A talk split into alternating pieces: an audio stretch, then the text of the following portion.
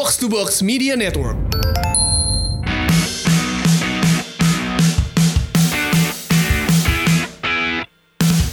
Akhirnya Arsenal menemani Manchester United tidak lolos ke Liga Champions. Bagaimana nasib Unai Emery dan juga bagaimana nasib para fans Arsenal? Selengkapnya di Box to Box Podcast.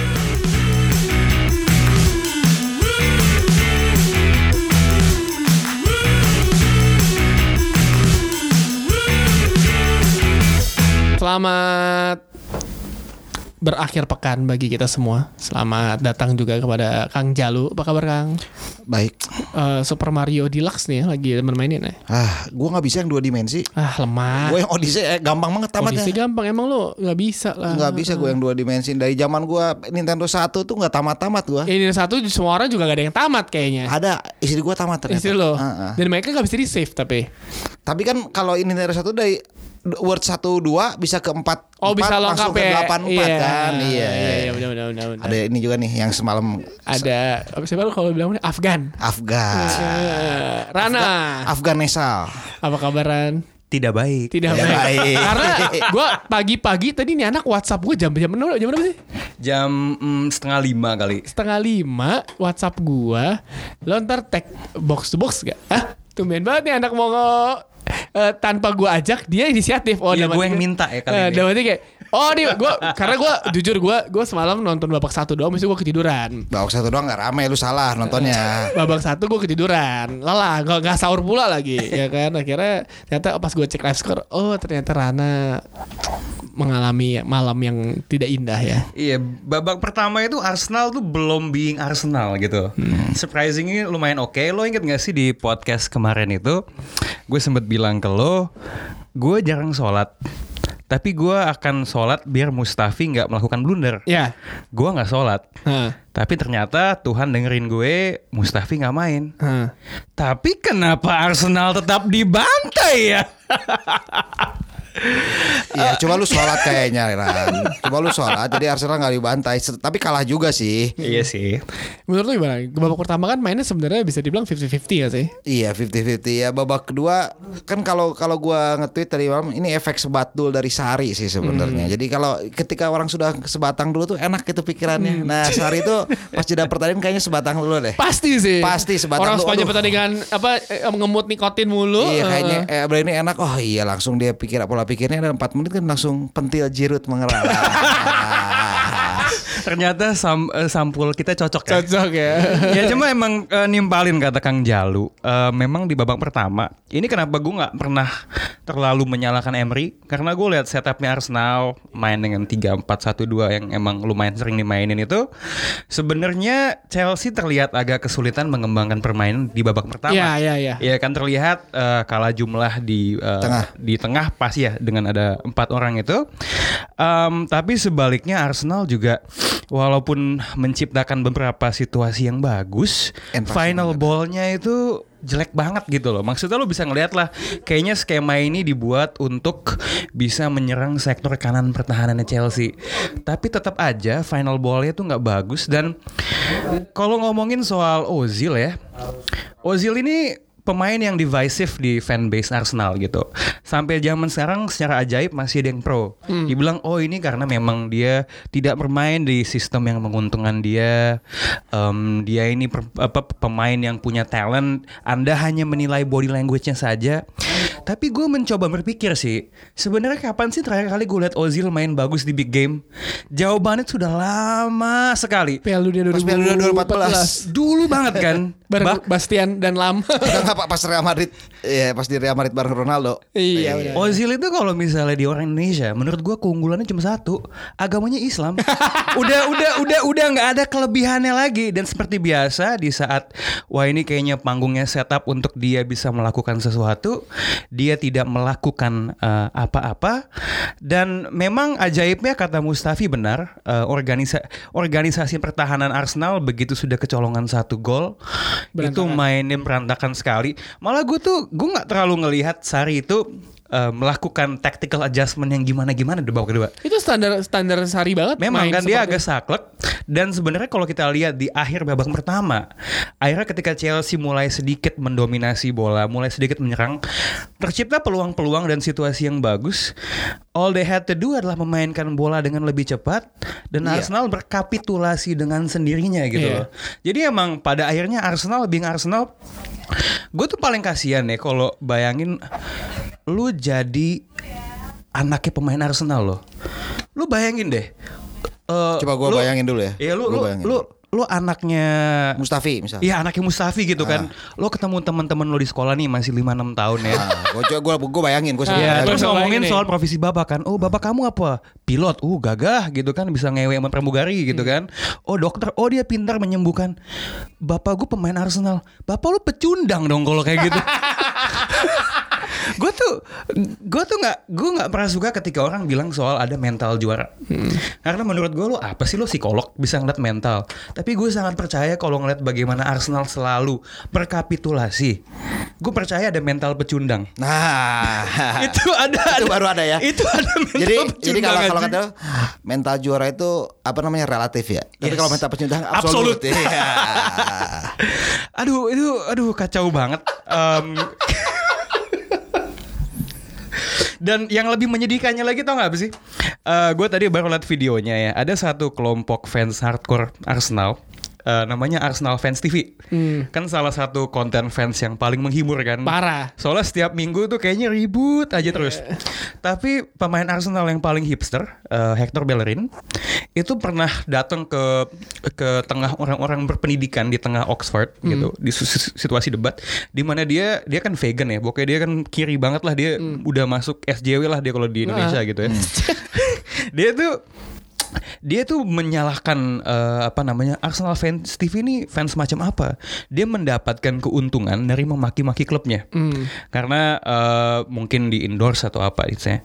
Saking menyedihkannya Arsenal semalam, Arsenal fans TV itu nggak sengaja kepergok waktu lagi live stream ngomong soal model bisnisnya dia. Oh iya. Jadi dia ketahuan ngaku kalau iya memang kita dibayar gitu.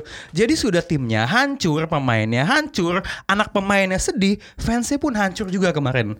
Gue tuh inget ya, gue tuh lo tahu Eki kan? Eki bekas Iya. ya teman kita yang di 442. Eh, dia tuh lihat di dia tuh nge-tweet gitu. em, bayangin deh kalau lo jadi fans Arsenal, udah jauh-jauh ke Baku, eh, tiket pesawatnya lumayan mahal dan Terus mainnya eh, malam, Bang. mainnya malam, stadiumnya sepi, dan lu kalah sama sebuah tim Chelsea yang ini Eki ini fans Chelsea ya. Iya. Dia pun mengakui Chelsea mainnya tidak istimewa Biasa sama sekali, aja. biasa aja gitu. Kalau mau dibilang kan selama musim ini kan kita ngelihat Chelsea ini bisa main sari ball atau enggak sih? Sebenarnya kan levelnya masih sangat-sangat jauh dibandingkan sari ball ketika di, Di Napoli. Napoli. Jadi Chelsea yang sebegitu aja bisa ngalahin Arsenal. Ini penderitaan gue lengkap kalau di weekend ini Tottenham ngalahin Liverpool. Mudah-mudahan kali ini gue bener-bener bakal sholat.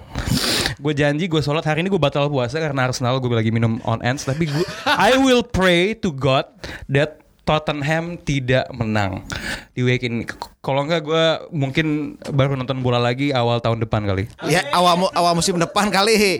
Iya, iya, eh, awal ya enggak setengah setengah setengah musim. Ah. Iya. Ya. Kan gimana ada, ada pendapat? Ya, Karena enggak, enggak sih ya bener apa yang dikatakan Nana Gue lihat lihat Chelsea babak pertama babak kedua gue pertama, ya, pertama ya udah itu ya kayak Chelsea. udah, emang, emang emang gitu aja cuman Iya. apa apa yang membedakan apakah Arsenal jadi lebih melemah ya, tapi pentil Giroud mengeras terus kayaknya yang emang Ah, kuncinya iya. di situ Oh, satu lagi soal Giroud ya. Lo lihat nggak sih ada video yang viral tadi? Yang mana? Jadi di dalam bus ngentot di dalam busnya Chelsea ada Giroud lagi live stream gua gak tahu siapa yang megang HP-nya. Dia megang Piala Eropa. Piala Eropa. Terus dia bilang thank you Arsenal. Ngentot. loh Tapi Iya. bener sih, bener sih, bener ya. tapi Giroud ya lu lihat deh kata eh, dia pra- perannya emang vital banget Giroud Iya, kalau iya. kalau gue lihat Sangat-sangat. Lihat Ya, golnya Hazard lah itu kayak gimana. golnya Hazard terus gol penaltinya dua gol Hazard kan aksi dia juga Iya. kan gue rasa ini maksudnya gue suka ngetai-tain Giroud tuh dalam semangat bercanda ya sebenarnya. Yes. Sekarang aja jilat udah sendiri ya. Nggak, cuman kalau kita lihat uh, golnya Giroud yang pertama, itu menurut gua gol yang bisa dipatenkan itu milik Giroud. Oke. Karena dia Khasnya dia. Khasnya dia menurut gue dia penyerang yang paling jago ngincar tiang deket. Selalu kan? Selalu, selalu tuh ada ada something antara dia sama tiang dekat. Dan ironisnya yang dikalahkan dalam duel satu lawan satu itu best badinya, Koscielny. Ini dua orang nih bromance banget lah. Uh, dan kalau kita lihat juga overall link up play-nya bagus banget. Ini yang sesuatu yang menurut gue underrated banget. Um, kalau ngomongin Giroud, di balik kekuatan fisiknya, kemampuan memenangkan duel udaranya, sebenarnya yang uh, mungkin sebaiknya di- dibahas lebih banyak adalah uh, kapasitasnya dalam melakukan hold up play gitu. Dia itu buat gue adalah Andy Carroll versi lebih mahal dan lebih ganteng dan lebih seksi tentunya. Dan itu yang dilakukan dia di Piala Dunia kan. Kenapa True. dia akhirnya nggak nggak lepasan tembakan karena dia So pure kalau kata Eric Cantona, so no pure. shot on goal. Ya, apa so pure dan beneran ngebuka ruang bagi Antoine Griezmann, Paul Pogba, bahkan Buat nahan back lawan juga. Iya, True, iya, karena iya, dengan fisik yang seperti itu ya itu salah satu skema terbaik di Deschamps kan di Piala Dunia dan True. akhirnya jadi juara. Jadi lu mau nyela Giroud kayak apa pun ujung-ujungnya Iya, dia tetap juara dunia, Juara lo mau dunia. ngapain? Sekarang juara Europa League Juga ya Liga kan, Euro. Musim depan main di Liga Champions. Dan ya itu kan? menuntut sacrifice yang besar. Lo sebagai pemain bola, striker, Sebagai seorang Striker. striker, ego harus dihilangin ego kayak gitu. benar-benar pure nggak ada untuk uh, menciptakan ruang buat Griezmann sama Mbappe yang lo Iya. bilang tadi. So props to him. Uh, akhirnya memenangkan sesuatu di level Eropa. Hmm. Dan emang emang emang tai ya. Maksud gue siapa pun itu kalau lo pergi dari Arsenal, lo pindah Selalu sukses ya. selalu sukses gitu. Robin Uh, van Persie, Thierry Henry, Cesc Fabregas. Tadi gue kira itu hanya diperuntukkan untuk pemain-pemain yang memang levelnya di atas Arsenal gitu. Hmm. Giroud tuh bagus, tapi menurut gue dia pemain level Arsenal. Dalam dalam artian dia nggak sebagus Robin Ketika- van Persie Oh, iya. atau Thierry Henry gitu, tapi dia pun bisa bersinar melawan klub lamanya lagi. So ya seperti yang dia bilang, thank you Arsenal. Um, dan ya itulah deritanya menjadi fans Arsenal. Dan sebaliknya pemain-pemain yang tadinya mungkin lebih bersinar dan lebih memenangkan apa-apa, ketika ke Arsenal Jadi melempem. jadi melempem. Makanya gue kembalikan ke tadi gue bilang soal mental pecundang. Unai Emery tiga kali menang Europa League. Apa yang harus dia Chelsea, lakukan? eh, wah, Peter Cech, Peter Cech, eh, juara Eropa. ya, Eropa juara ya. Liga Champion, Liga juara Champions, Iya, dan pernah juara Europa League juga juara Liga kan. Inggris. Dan ya bayangin lu lu udah ibaratnya lu hire pelatih yang paling khatam, yang paling mengerti kompetisi kasta kedua Eropa. And yet ketika lo ke Arsenal, lo terjebak mental pecundang tadi dan lu gagal memenangkan apa yang paling biasa lo menangkan.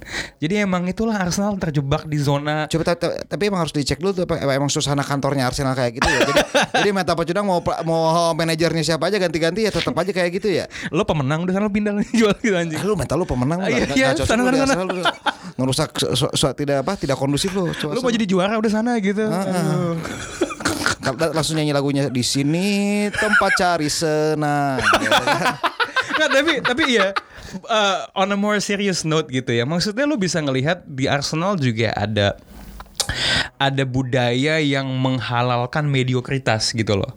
Makanya pemain-pemain yang B aja itu lama banget ditahan Em, dan yang bagus-bagus yang sebenarnya nggak ada salahnya lu punya ambisi lebih. Ya lu main bola buat apa sih? Buat menang untuk dapetin gelar. Dan ketika itu memang tidak bisa dipenuhi sama Arsenal sangat lumrah Pindah. eh, untuk lo pindah gitu. Jadi menurut gue yang harus digaungkan adalah narasi kalau Arsenal ini klubnya para pecundang gitu loh. Ya. Dan justru gue agak gedek kalau ada fans-fans yang masih terlalu melihat sisi positif ya.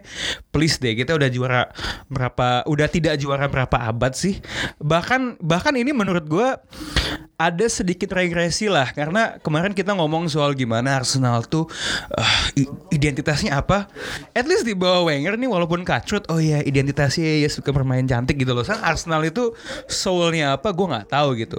Apakah di musim panas nanti akan ada pembelian-pembelian yang tepat untuk eh, membenarkan hal-hal tersebut? Apakah bisa progres? Mudah-mudahan. Tapi at this point 12 jam setelah dibantai di final Europa League, gue sih belum melihat cahaya di ujung terowongan ya. nggak apa-apa lah Ran. Nggak apa-apa. Tapi Jadi yang- kan emang kayaknya ini semua proses. Jadi jadi ya kayak Trust the process, Liverpool ya. udah tiga dekade, ntar Arsenal sekarang udah satu- 10 tahun kan. Habis itu MU gantian aja. gantian. Baik. Dan yang udah ngelihat eh, jalan di ujung lorong mungkin ada seorang Eden Hazard yang sudah berpikir untuk meninggalkan Chelsea. Dia sudah bilang eh, apa namanya? Dia udah mengucapkan perpisahan pertandingan terakhir ya, lebih tepatnya dua gol pertandingan terakhir. Tapi dia bilang ya nggak ada yang tahu masa depannya gimana. Tapi ini menguatkan rumor dia untuk keluar dari Chelsea. Rumornya ke Real Madrid. Udah hampir pasti kan karena dia udah ngomong eh, say goodbye ya. Ya, Habis semalam ya saya memang ingin ingin pindah ke Premier League liga terbaik dan bermain untuk klub terbaik. Kemudian saya sudah mencapainya karena saya mencari tantangan baru. Iya tapi akhir yang manis ya Maksudnya dengan penampilannya Dan sebenarnya kalau kita ngeliat sepanjang musim ini uh, 16 gol 15 assist uh, Salah satu torehan terbaiknya If not the best. Um, Dan gue rasa kalau kita lihat cara dia Di pertandingan terakhir sangat influential Dan musim ini uh, Meskipun dari musim-musim sebelumnya uh, Udah ada ketidakpastian itu Iya.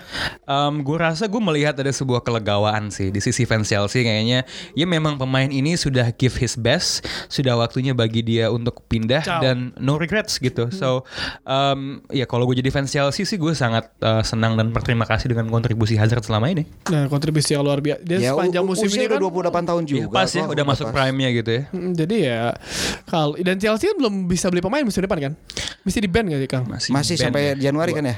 Januari kan? Oh dua window ya. Dua Yang window, jual ya. boleh nggak beli nggak boleh kan? Nggak boleh. Jadi dia ya Tapi lu ngapain sih Chelsea beli pemain orang yang di luar aja bisa, bisa dibikin dua klub? iya. Iya. Itu yang ini ada ada grup WhatsApp-nya Ada, katanya ya, uh, untuk semua pemain yang dipinjemin ya. Jadi ya, ya selamat bagi Chelsea juara Europa League. Tapi menurut gue yang menarik adalah seorang Robert Green ngangkat piala. Robert Green cuy. Itu kiper cadangan Chelsea ya. Cadangan ketiga atau keempat gue nggak tahu deh. Selamat. Selamat. Dia ngangkat piala loh. Hebat lah Robert Green ya memang. Yang Ini yang di West Ham dulu bukan sih? yang di KPR Yang Oh, di, KPR. yang di Piala Dunia, Piala Dunia 2010, cuma sekali main doang habis itu diganti- Leader. digeser lagi David James. Oke oke oke oke. gara-gara Standar kiper Inggris di Piala Dunia itu jelek banget. ya. parah. Parah semenjak Simon nggak udah nggak ada lagi. Semenjak Simon tuh itu ngomongin kiper ya bener Simon habis itu siapa David James kan? Robinson, Enggak. Paul Robinson. Urutannya kan emang Simon, Simon, Nigel Martin, Nigel Martin sebentar, De- Paul Robinson kan? Ian Walker dulu, Ian Walker, David eh, James. Robin, Robinson David- dulu. enggak, David James. Oh, David James. Paul Ro- Robinson, David James lagi. David James. Iya. Baru si Johar. Johar. Padahal Johar di 2010 tuh ada di bench tuh. Oh sama satu lagi mungkin ya kalau ngomongin soal sudut pandang Chelsea Em, ya fans-fans Chelsea yang mungkin tadinya fuck Sari, Sari out, Sari ball to fake gitu. Mungkin juga harus menjilat ludahnya sendiri ya. Walaupun ya again kita kan melihat dari luar ke dalam kita nggak tahu berapa persen itu karena Sarinya. Tapi setidaknya kalaupun misalnya dia ke Juventus atau cabut dan lain sebagainya, sebenarnya dibandingkan musim kemarin ini pencapaian yang bila bisa dibilang lumayan bagus ya. Eh, menang Europa League peringkat tiga di sebuah liga di mana emang dua timnya yang di atasnya bagus Superior. banget, jauh lebih superior. Em, dan satu hal juga yang em, ini trofi pertama Sari ya sebenarnya. Iya. Iya. Em, selama ini eh, pelatih yang sangat punya sistem yang khas yang bisa membawa eh, timnya di luar ekspektasi dari Napoli, Empoli. Ternyata baru sekarang dia menang dan tadi ada satu videonya ngelihat dia melihat-lihat medalinya gitu dan kayaknya cukup cukup taken aback. Mungkin kayaknya dirinya sendiri itu nggak terlalu eh ngeh sampai saat udah menang. Wah ternyata enak juga ya dapetin trofi gitu. Sama dia Ya kayak anak baru baru dapat mainan. Yes. ngisep cerutu kan akhirnya. ngisep cerutu. oh naik ya dari rokok ke cerutu gitu. Mo dia hidupnya. Jadi ya selamat buat Chelsea, fans Chelsea dan Sari dan juga bagi fans Arsenal ya berharap aja Spurs nggak menang di akhir pekan nanti karena kita di sini akan ngebahas Liverpool versus Tottenham Hotspur.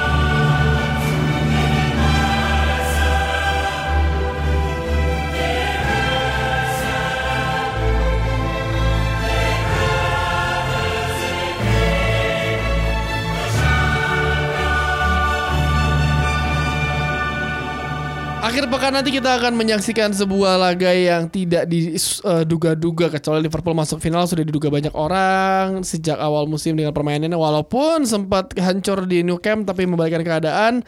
Tapi lawannya yang akan dihadapi Liverpool adalah tim yang tidak terduga sama sekali. Banyak yang tidak memprediksi mereka bisa lolos sampai sejauh ini bahkan sampai uh, di final di uh, di Madrid ya kan? Tapi seorang Mauricio Pochettino yang tanpa membeli satu pemain pun sukses membawa ya. Tottenham Hotspurs berada di final melawan Liverpool. Pertandingan akhir pekan nanti akan juga mungkin menemani kalian yang akan berangkat uh, mudik, Mudik. setelah subuh atau setelah final Liga Champions. Atau dari kampung halaman juga jangan Ya betul sekali Atau mungkin setelah timnya kesayangan kalian Mungkin lebih banyak fans Liverpool ya Kalau Liverpool kalah mungkin banyak yang mudik dengan hati yang patah Tapi saya sebagai fans Manchester United Melihat Liverpool juara Liga Eropa udah biasa Udah biasa. Karena itu udah hari-hari mereka Walaupun kesel juga tapi kayak itu hari-hari mereka Tapi kan kalau Tottenham yang juara, Iya. no. Satu sisi kalau kita ngeliat Liverpool juara Oh iya emang Liverpool Ya lu juara ya udah emang emang gennya di sana lah. Ya, yaudah, di liga belum ada di, kan. di liga jangan sampai ya ada ranah tersendiri yang nggak bisa dibagi-bagi ke orang.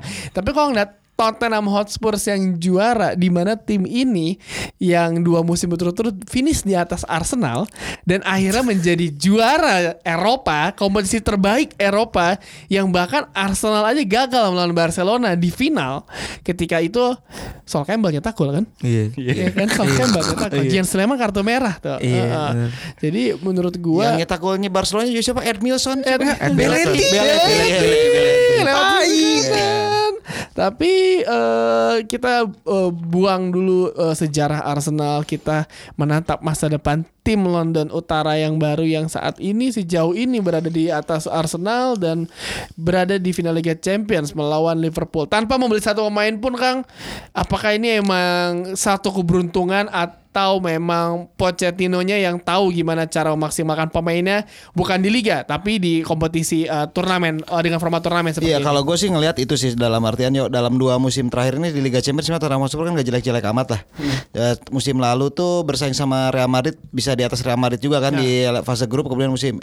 Dan eh, musim ini dia cukup terbantu lah. Dalam perjalanannya ada Ayak yang menyaring Real Madrid dan Juventus. Sehingga bertemu dalam da- bertemu dalam tanda petik cuma Ajax di semifinal ya. Jadi menurut gua terlepas dari keberuntungan yang dialami Tottenham mereka juga sudah menunjukkan progres positif sih. Itu kalau menurut gua. Yang menarik dalam perjalanannya Tottenham tuh dipertemukan dengan tim-tim yang menurut gue proyeksinya kayak Tottenham dulu. Dia ngalahin Dortmund, terus dia ngalahin Ajax. gitu. Tim-tim dengan dengan pemain muda, bukan dengan uh, wage bill dan kapasitas membeli pemain yang terbaik. Tapi mungkin memang itu segala hal tuh ada prosesnya, ada ada step by stepnya. Dan uh, iya uh, mungkin ini dua lawan yang tangguh, tapi secara stylistik em, ada sedikit kenaifan kan. Maksudnya ada idealisme dari lawan-lawannya lah. Dortmund mau main dengan cara yang seperti itu, Ajax dengan cara yang progresif walaupun sedikit lebih adaptif ya di Liga Champions. Jadi em, gue ngelihat At least ketika Tottenham lawan Ajax tuh ada kemudahan dari segi eh, match up-nya. Hanya saja memang ini sangat memberatkan hati gue untuk bilang ini, tapi ya kredit untuk eh, mentalitas Tottenham di itu peta atas juara ya Aduh, aduh, gue kena dia. ya bisa menghadapi adversity ya kan setelah ditai-taiin di kandang dan membalikan keadaan. Jadi walaupun gue gemes gitu tidak bisa dibilang kalau Tottenham tidak layak masuk final. Apakah bisa ngalahin Liverpool? That's another question. Dan Liverpool selalu kesulitan ngelawan eh, Tottenham terakhir di Anfield itu kalau bukan karena Hugo Lloris imbang. Bener. Iya kan? Bener. Dan ini ada ada Febri nih yang 2-1 juga. termasuk, ya kan dan Doset yang biji menjerat itu yang Huddleston eh yang tendangan tinggi ke atas tuh si Soko. Huddleston. si Soko, si Soko. Huddleston mau ke mana nih? Lama, udah lama banget. Huddleston udah tahun berapa? Tottenham tahun berapa itu? Maksudnya iya benar si Soko yang Iya. yang bijinya. yang itu kalau misalnya Liverpool kalah itu Liverpool nggak udah nggak juara dari kapan tahu tuh. Iya, benar. kan? Dan iya benar sih eh, Spurs tanpa pembelian pemain pun membuat semua orang eh, berdecak kagum dengan eh, dengan permainan mereka saat ini dan emang iya tipikal Pochettino banget kan lu main dua gelandang, satu gelandang serang, eh, satu striker yang yang powerful, Harry Kane dan Fernando Llorente. dua gelandang iya Dan sebenarnya di balik nggak ada oke nggak ada pembelian tuh the bad thing adalah oke mungkin depth lo dipertanyakan kan. Cuman setidaknya tim ini dibandingkan Tottenham sebelum zamannya Pochettino, waktu masih zamannya Bale tuh pemain-pemainnya lebih stabil dalam artian ya tim ini sudah ada sekitar 3-4 tahun. jadi sudah sangat nyaman Oh, iya. bermain dalam sistem Pochettino. Ada Jorente juga kan. Iya, Lorente juga itu menambah satu dimensi yang lain. tuh. juara itu. Ah, Juventus. Juara sama Juventus grinta, kan. grinta. Kampret. Iya, bener juga. Tapi hal yang sama hal yang sama juga yang di ada di Liverpool juga gitu. Iya. Ini tim yang dibangun sama Klopp dari 3 sampai 4 tahun yang lalu. Iya. Hmm, tiga tahun. Eh tiga tahun ya? Tiga setengah, tiga setengah. 2015 dia Tiga setengah tahun. Ya udah jadi begini dan udah kata Rana tadi udah dapat zona nyamannya nih. Setengah musim pertama Klopp langsung bawa Liverpool final Europa League kan? Iya, langsung Iya. kalah satu tiga. Kalah kan sama Sevilla kan. Iya. itu udah kelihatan. Tapi lihat Liverpool yang emang musim ini harusnya tim lengkap dengan semua segalanya, semuanya udah mereka miliki kecuali gelar doang kan yang mereka nggak ada kan. Jadi gelar Liga Champions kalau mereka mendapatkan emang hasil yang pantas buat mereka. Dan sebenarnya juga gue sukanya sama Liverpool dari segi eh, bagaimana dia berusaha mengatasi kelemahannya. Kalau kita kilas balik ke setahun yang lalu kan kita semua ingat betapa fucked up-nya seorang oknum bernama Loris Karius Yep. kan. Iya. Em, ya hebatnya adalah oke kita lihat posisi kita yang paling goblok tuh apa sih? Kiper. Kita beli pemain yang paling bagus dan paling qualified dan paling mahal di posisi itu kan. Ellison. Defense kita kacrut. Hmm ya siapa yang kita bawa? Van Dijk. Van Dijk gitu. Jadi gue ngelihat memang dia telah berinvestasi jor-joran di dua posisi yang paling lemah. Ya. dan sekarang ada di posisi yang eh, menurut gue memang sangat difavoritkan untuk bisa jadi juara. Tapi sepeninggal Pepe Reina, lo ingat terakhir kali Liverpool juara champion itu yang jadi kipernya jersey Dudek. Bukan Pepe Dudek Reina kan? Dudek joget-joget itu Ya kan Dudek nepis tendangan si Shevchenko itu kan dan uh, sel- selepas jersey Dudek dan juga Pepe Reina, Liverpool emang belum menemukan uh, penjaga gawang terbaik mereka selain si akhirnya Ali- Alisson Becker Alisson, kan, tra- kan? udah paling keren Alisson.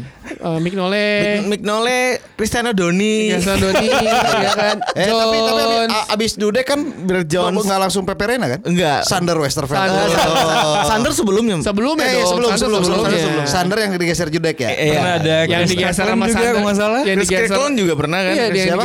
Chris Kirkland. Kirkland juga pernah. Yang digeser sama Sander itu eh, ini David James. Scott Carson pernah Scott main. Carson pernah. Pernah juara timnas juara juga. Champions tuh soal Scott Carson ada di bench, Bench. kan? Dan dia sekali lawan Juventus. Juventus. heeh. yang 2-0 eh, eh 2-1 atau 2-0 ya 2-1. Yang dua satu. Grogi Dia bikin ya. kesalahan tuh. Heeh, emang kelakuan. Kiper Inggris gak bisa tuh kalau gak bikin blunder. Cuma, cuma kan juga signifikansinya Alisson kembali ke gaya mainnya Liverpool Iya. kan. Kiper yang bisa jadi pemain ke 11. Itulah yang sebenarnya membedakan dia banget sama Karius ya. Dulu Iya. banget gue kayak ini zaman-zaman masih ESPN apa Net Soccer ya. Gue ingat banget tuh ketika ada hype soal Karius semuanya bilang dia kayak Manuel Neuer. The next Manuel Neuer kan. Ya benar the next Manuel Neuer kan dalam gaya keberaniannya. Nah, cuman dalam gayanya enggak kan? Nyali iya, abis itu iseng aja gitu gue cek Squaw, Squawka gue liat passing completion nya anjing nih wow bro sini orang gitu jadi em, ya eh, di posisi yang sangat di, diunggulkan eh, ya dengan segala macam keunggulannya ini Harry Kane ada bakal main atau enggak? Gua- Main. Main sih Main. kayaknya. Doubtful Main. sih. Maksain. Dia ngotot buat main tapi. Iya Villa. Karena dia mendingan maksain di champion daripada Mending gue di disuntik daripada gitu. disuntik, iya. Mending gue suntik, eh, suntik gue dah gitu. Iya, suntik gue udah biar gue main nih. main dari bench aja. Iya. ya kan? Tapi permasalahan itu ketika lawan Ajax itu para pemain Ajax nggak tahu gimana cara ngeredam seorang Fernando Llorente karena backs Ajax nggak memiliki powerful seperti Virgil van Dijk. Tapi di eh, melawan eh, Liverpool ini kan mereka jeda liburnya panjang banget nih. Panjang 10 banget. hari ya. nih? Dua minggu. Hari. Dua minggu kan? Dua minggu, dua minggu. Kan terakhir eh, Ih, dua minggu, 10 hari dong. Dua minggu kan terakhir tanggal 15. Oh iya, benar, benar. oke dua minggu, dua Oh, minggu iya. kan jedanya panjang banget kan. Dan si Tottenham sampai sempat mainin laga amal dulu kemarin. Sempat. Sempat kan? Nggak ada yang cedera ya? Nggak kayak Chelsea. Nggak Chelsea. kayak- nggak kayak Loftus Cheek. Nggak ada. Dan yang Anjing. Jadi Chelsea udah udah pertandingan persahabatan di Amerika Cedera. masih bisa kebaku dan ngebantai Arsenal. Iya. Iya. Mentai. udah nggak ada baru yang bikin dia makin fuck up. udah nggak ada Odoy, Nggak nggak ada Loftus Cheek. Udah Loftus Cheek masih bisa itu loh. Eh, emang jago. Ngolo Kante aja dipaksain kan? Iya. itu kalau backnya Gary Cahill juga tetap juara. Heeh, heeh, tetap. heeh. Tapi Cahill aja ada kan? Ada angkat piala. Angkat piala terakhir. Heeh. Tapi ya itu akhirnya eh, Lo lihat nggak ada yang bikin manipan pas ngangkat eh, piala? Ada John Terry dimasukin situ. Kan? Tapi John Terry ngangkat piala juga kan? Iya kan di Piala, Piala-. Piala divisi dua. Piala, piala playoff. Championship. Iya. iya. Selamat datang bagi. Aston Villa dan John Terry ya. Ini eh, Jack Grealish lah sepatu habis jebol. sepatu kesayangannya dia. Yoi, Iniesta dari Birmingham. Iya. Itu Tapi- ra- rambutnya paling ganggu tuh, ngerilis tuh. Dari dulu emang kayak gitu. Heeh. Dari awal masuk waktu masih di Premier League juga gitu kan masih nomor 41 apa dia dulu Iya. lupa gua. Tapi sekarang eh, Liverpool, oke Liverpool kita tahu setelah Klopp mengubah posisi seorang Jordan Henderson lebih ke kanan, bukan sebagai gelandang bertahan bermain lebih efektif sejauh ini dan yang menghasilkan lo unbeaten sampai akhir musim lah di Premier League ya kan dan di Liga Champions pun juga lawan lawan si Barcelona dahsyat tuh. Tapi tapi eh, tahun ini Klopp bilang kalau gua nggak pernah datang ke final Champions, Champions League dengan tim yang sekuat ini sih. Dia bilang dia menurut dia dia paling gede banget nih tim yang gue bawa. Ini udah paling jago banget dah nih tim. lo Tapi gue juga agak khawatir. Gue sebenarnya pede sebagai fans Liverpool gue pede banget kalau eh, bakal menang gitu. Cuman kadang-kadang ya ini final gitu. Gue mau tambahin juga, Feb. Bukan cuman Klopp datang dengan tim paling kuat, dia menghadapi lawan paling lemah. Dia pengen di final. loh. Jangan eh nggak boleh jemawa. coy. Oke oke baik. Kalau kalau dia ada kalau di London Utara boleh lah itu yang paling lemah kan bukan Iya. bukan Tottenham juga. Baik. eh, sekarang kan Ya urutan semua tim 50-50 di final. dan di final ya. dan iya kalau ngelihat si Spurs dan si Liverpool lah secara keharmonisan tim dua sangat harmonis banget ini Iya. dibandingkan Bener, bener. dibandingkan la- lawan-lawannya kayak Arsenal juga memiliki masalah Drake sendiri United memiliki masalah Eh, Man City ya lo lihat yang abis mereka juara juara Piala FA pada main handphone semua nggak ada videonya? Iya, iya, iya. maksudnya kayak lu mana vibe lu juaranya ya kan tapi uh, Spurs dan Liverpool dua tim memiliki dressing room menurut gue paling dahsyat sih sejauh ini jadi apa pun yang dibikin sama Klopp apa pun yang dibikin sama Poch itu keren sih. Jadi dengan gaya bermain Klopp yang kita tahu pasti ini dari awal bakal pressing uh, si uh, Spurs dan udah diprediksi banget si Spurs sendiri bakal main gak terlalu pressing juga pasti bakal lebih deep ke dalam maksimalin si Oriente atau Harry Kane di depan dengan sayap-sayapnya itu kan. Jadi ya mungkin ini pertandingan bakal seru sih walaupun bola sih dikuasai Liverpool banget sih ini pasti nih. Yang gue khawatir sih kecolongan. Iya, bahaya tuh kalau udah kecolongan. Bahaya kecolongan sih. Iya nggak Ran? Ya nggak nanti nanti si siapa namanya si Soko one on one sama Van Dijk ini juga bakal kayak ini lagi kok. Wah lihat Van Dijk eh, apa individual defense. defensive masterclass ya kan Ya menurut lu Orang kayaknya udah gedek banget. Udah, udah. Eh, dia, dia tuh lu ngeliat Rana hari ini tuh ya, biasanya dia kan enjoy football with with apa ya namanya? Dia senang banget sama angka gitu, dia senang ngasih angka. Kayak setelah semalam. Terus dan dia menemukan fakta bahwa hari Sabtu malam Tottenham Hotspur hadir di final Liga Champion. Itu kayak dia tidak tidak menemukan fakta kalau misalnya ini anjing sep- sepak bola ini olahraga apa sih gitu. Anjing gue Sepak pindah ke basket aja dah gitu kayak fokus fokus aja kayaknya sepak gitu. bola tuh anjing Iya, Fuck that shit. Dia tuh udah kayak ngerasa kayak nggak kayak olahraga gue nggak di sini deh gitu. Ran, lu final NBA dukung mana? Eh, pasti gue pengen lihat Raptors oke lah. Oke lah berarti yang juara. Oh iya, pasti. Yang juara Golden State udah. Udah, udah lah. Yang juara Golden State ini. Iyalah. 4-1 kayaknya udah sama kayak skor semalam. Tapi kan kebalik dikit. Maksudnya dalam artian Raptors itu di posisinya Spurs. Iya Ya, tapi kan ini gue dalam hal dukungan lu Jinx ke mana ya, aja. Sama, sama aja kayak lo di net soccer kalau gitu ya. Iya. Tapi kan ini Liverpool bakalan mengalami kesulitan berarti nggak lawan Poch. Beban kalau gue buat gue sendiri kan buat be- beban mentalnya pasti nih udah gue gua paling nggak nggak paling nggak bisa ngebahas final Liga Champions Udah mulai deg-degan udah sendiri. deg-degan sendiri boleh lah si Febri eh, punya ya- keyakinan luar biasa kalau gue masih nggak yakin karena gue nggak siap dengan yang gue bahas minggu lalu gue nggak siap dengan ceng-cengan seluruh fans di muka bumi ini lah boy iya kan Permasalahannya bukan piala Enggak. Iya kan Tapi sebenarnya gue juga udah ma- malah kena pressure cencengan tuh. Iya, gini. out of nowhere gue nggak ngerti apa-apa tiba-tiba mampus lo gitu. Gua kayak aduh aduh gitu. Gak ini ini kita lihat nih kemunculan 60 juta fans MU dari balik goa. Tadi Iya. tadi gue lihat kan kan Arsenal udah, udah muncul dikit ya? Udah muncul dikit. Arsenal kan udah udah uh, kan kalah kan. Terus gue gue tuh nggak merasa ada vendetta apa-apa sama fans MU tapi gue liat beberapa temen gue yang fans MU Hah? gue nggak usah sebut namanya di sini gitu. Tiba-tiba nge-retweet akun-akun MU yang ngebalasin tweet akun Arsenal ke MU abis menang kayak misalnya oh Unai is at the wheel dibalas lagi sama fans MU gitu kayak ya elah sih gitu. Oh, ya itu kan ya Daja juga muncul dikit-dikit. Iya, mungkin gini nih, mereka nih udah pada siap-siap nih. Udah siap-siap. Oh, siap-siap keluar men, men, keluar siap-siap men. Ini udah- atur barisan, atur barisan. Udah ngumpulin tweet-tweet lama gitu. Iya. jadi Rapatkan barisan. Jadi di, di goa tuh mereka udah di depan, buka handphone masing-masing dulu. iya, kan dapat sinyal tuh kalau di depan kan. Nah, siap. Wah, ini Liverpool ke bawah sukan. Tang keluar satu. Keluar dikit-dikit. ini kayak ini kayak BPN ngumpulin data-data gitu. Lu bayangin. Jadi, ya kalau gue ya itu sih. Gue sih kalau masalah keyakinan gini yo. Kalau masalah keyakinan gue pasti ya cukup optimis Liverpool juara dan karena gue pun tidak bertaruh untuk final Liga Champions ini beda sama final Liga Inggris lah ya. Iya. Kalau gue punya keyakinan luar biasa biasanya gue pasang kan karena ini ya gue bisa double nih kalau gue pasang Tottenham kalah sa- rasa sakit hati ceng-cengan itu lebih tinggi coy tetap Iya, udah kalah. udah kalah walaupun gua dapet duit nih. Tapi ini apa mentalnya itu aduh nggak enak banget. Apalagi- Gua dalam hal nih gua gua cukup beruntung Arsenal semalam kalah Kenapa? Karena kalau Arsenal menang, Arsenal tiba-tiba akan akan ya untung tim gue masih bisa menang, ya kan? ya kan? Ya, gue masih beruntung ah, Enggak, ini enggak. kan. Tapi demi Allah gue nggak bisa menerima kalau Tottenham Oh iya paham, Pasti. tapi seenggaknya lu tidak lu tidak melihat Tottenham menjadi juara, tapi lu melihat Liverpool ketika kalah kan? Itu Tapi aja ada sih. loh fans Arsenal yang rela Tottenham menang supaya bisa cencengan sama Liverpool. Eh tapi itu aneh nih, gue gue mau menyebutkan, gue melihat seorang teman kita, Coach Justin, Iya. gitu, dia lagi balas-balasin tweet, gue agak bingung sih sebenarnya. Kok dia dukung Kok dia mendukung ayam sayur? sih? Iya. Eh, ini kita eh, Itu menurut gue perilaku fans kardus loh kayak gitu. Oh iya. Maaf ya. Nah, gi- gini, kalau gua sendiri ya, kalau gua di masa kardus-kardusan untuk aki-aki umur 52 tahun main di Disneyland itu kan kardus juga, Bro. Lu bayangin loh. Kan masuk ke TV pula lagi di TV. Oh, eh, eh, penonton Net Sugar. Eh, saya lagi ada di eh, Disneyland Orlando. Tapi eh, kan lu tadi malam kan gua gila nih. Ngapain dia main Disneyland Orlando? Abis ini gua yakin dia ke Universal Studio terus Betul. main kayak Harry Potter Harry Potter aja. gitu.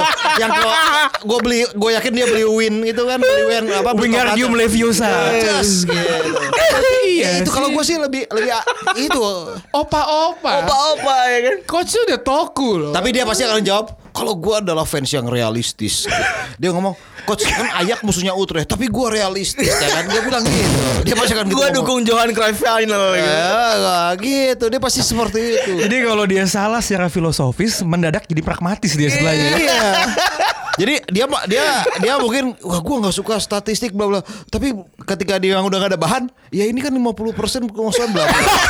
Nah, Ini ya screenshot screenshot apa tuh aplikasi apa? Iya, dia sering dia sering banget kok di eh, media sosial tuh gitu tuh komen orang. Lu pernah lihat momen Justin eh, pas apa lah pokoknya momen Justin Instagramnya titik-titik udah kayak selebgram. Yoi. Gue nggak gue baca gue skip langsung asli isinya sama semua. Isinya fans-fans Justin yang ngejilat Justin semuanya. Oh, Iya, iya, itu iya. IG story. Iya, IG story. IG story gua, gua, gua geser kanan emang. Gak pernah gua tap. Gak pernah gua tap. Gua tap pasti itu adik gua ini pasti RT-an semua nih. Udah RTN isinya ngejilat Justin semua. Ya kan? Yang Valverde coach ya. Biar ini, biar biar ditemenin, biar ditemenin sama coach Iya, ya kan ditemenin. Tapi lu bisa bayangin nggak? eh, bisa lagi di Orlando, apa di Senin Orlando terus ketemu Valverde sama-sama gitu naik di istana boneka. Sebelahan. Terus- ya. It's a small world. It's a small- Ya, udah gitu dia minta foto bareng. Ya. Ya. Tapi ya maksud gua ya beruntung sih dia eh, eh, eh, sendiri tidak punya anak ya. Iya. Kalau udah punya pasti anaknya umur 20 kan. Ah. Lu bayangin perasaan jadi anak Nah, itu gimana? lu enak lu bayangin. Lu tadi Ran lu nanya Anak anak Arsenal. anak pemain Arsenal. Sekarang anak pendukung Arsenal gimana tuh kayak bisa kok Justin punya anak gitu, anak pendukungnya Arsenal tuh. Ya dihabisin lah. Siapa anaknya kok Justin? Ada coachnya sih lah. Tai banget. Iya ya nggak tahu. Ya namanya gitu makanya Coach Justin tuh kan lagi dukung Tottenham sekarang kan. Iya. Justin Bi- bi- Spurs. Gue bingung sebenarnya bingung. Gak usah dibingungin. Justin itu menurut eh, domba-dombanya paling benar. Iya. Paling benar. Coach, walaupun dia dipecat harus oke. Tapi tapi itu ada hubungan sim apa ya eh, mutualisme sih. Ah. Gue bilang fansnya juga kayak gitu karena dia tahu bakal retweet gitu. Iya. Tapi itu dari kuantitas tuh Justin tuh agak kayak ini ya, kayak kayak Dian Sastro awal-awal IG story tau gak sih lu? Yang titik titik titik titik Oh iya titik, iya titik. iya iya. Dian Sastro aja udah gak gitu lagi. Iya iya benar. Iya, dia lagi lagi dia, dia masih sekarang oh berarti sekarang Dia sastra wannabe dia. dia sasar dulu dia berarti levelnya masih ini kali ya, masih selebgram selebgram yang followersnya dari 20 ribuan kali ya. Iya. Masih awal-awal. Masih ya? Masih. Masih belasan ya? Dia berapa sih dia? Dua puluh ribuan kayaknya. Ya lumayan. Eh empat puluh ribuan ya gue lupa. Ih, banyak lah. Coba coba gue lihat coba gue lihat dulu. Dibandingin kita kan. Nah cuman ini ya, in the end kita ngomongin Justin lagi ya. Iya.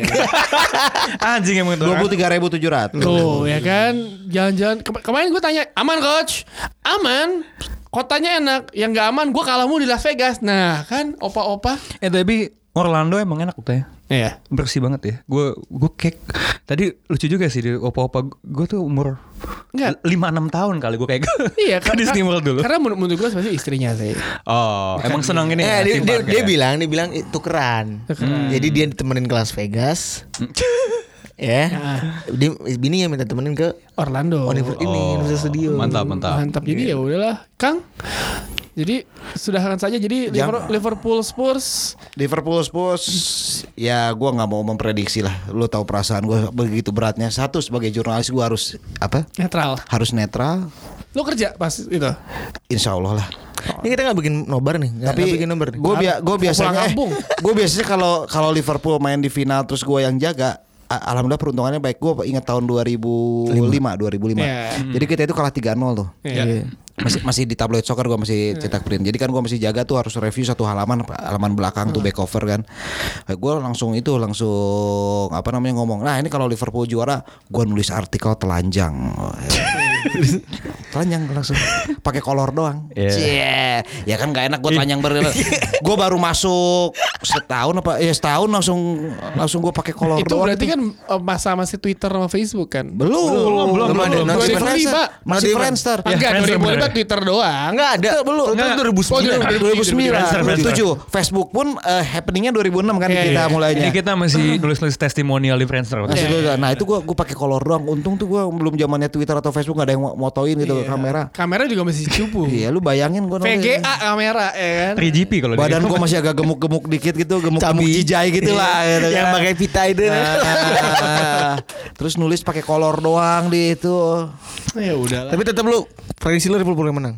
Insya Allah lah Lo Feb? Hah? Lo ada rasa takut itu? Ya khawatir jinx aja sih kalau Iya. Liverpool tuh ha- senang pengen eh, ya, ya prediksinya kita Liverpool menang karena dari kekuatan udah lihat ya udah tahu lah Iya. mak ah, lebih unggul gitu. Cuman kita takut cuma takut jinx aja kalau iya lu bayangin berdua. dua dua kali ke final dua dua kal dua duanya juga kalah gitu kan Iya benar. dua ya maksudnya final dalam arti satu lagi final Liga Iya, Inggris Europa kan Liga Inggris Liga Inggris Oh, iya. Liga Inggris kan eh, persaingan sampai final akhirnya gagal dia juga gagal lagi ya udahlah Setelah semua yang gue bilang tadi, gue yakin sejuta persen Spurs bakal menang 6-0. nah boleh boleh boleh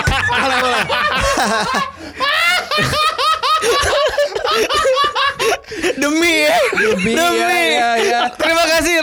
Terima kasih Rana. Terima kasih Kang Jalu, terima kasih Febri. Jangan lupa dengarkan dulu box to box dan gua Tio eh, pekan depan mau izin ini dulu absen dulu seminggu. Iya, mudik dulu ya. Kita mudik dulu ya. Lebaran mungkin TJ tetap ada, tapi box to box absen dulu karena kita kembali dengan Nations League dan juga Piala Dunia Wanita dan juga bursa transfer. Oke. ada Piala Dunia 20 juga Iya, dan dengan itu Suman Tarik, Suman Tarik masih tetap ada karena Liga 1 juga libur dulu nih. Libur dulu tapi minggu depan masih ada Minggu depan masih ada. Dan sampai jumpa. Mohon maaf lahir dan batin. Terima kasih sudah mendengarkan Box to Box hingga episode kali ini dan sampai jumpa di uh, summer season. Sedap, summer season, summer break. Box to Box podcast. Bye bye.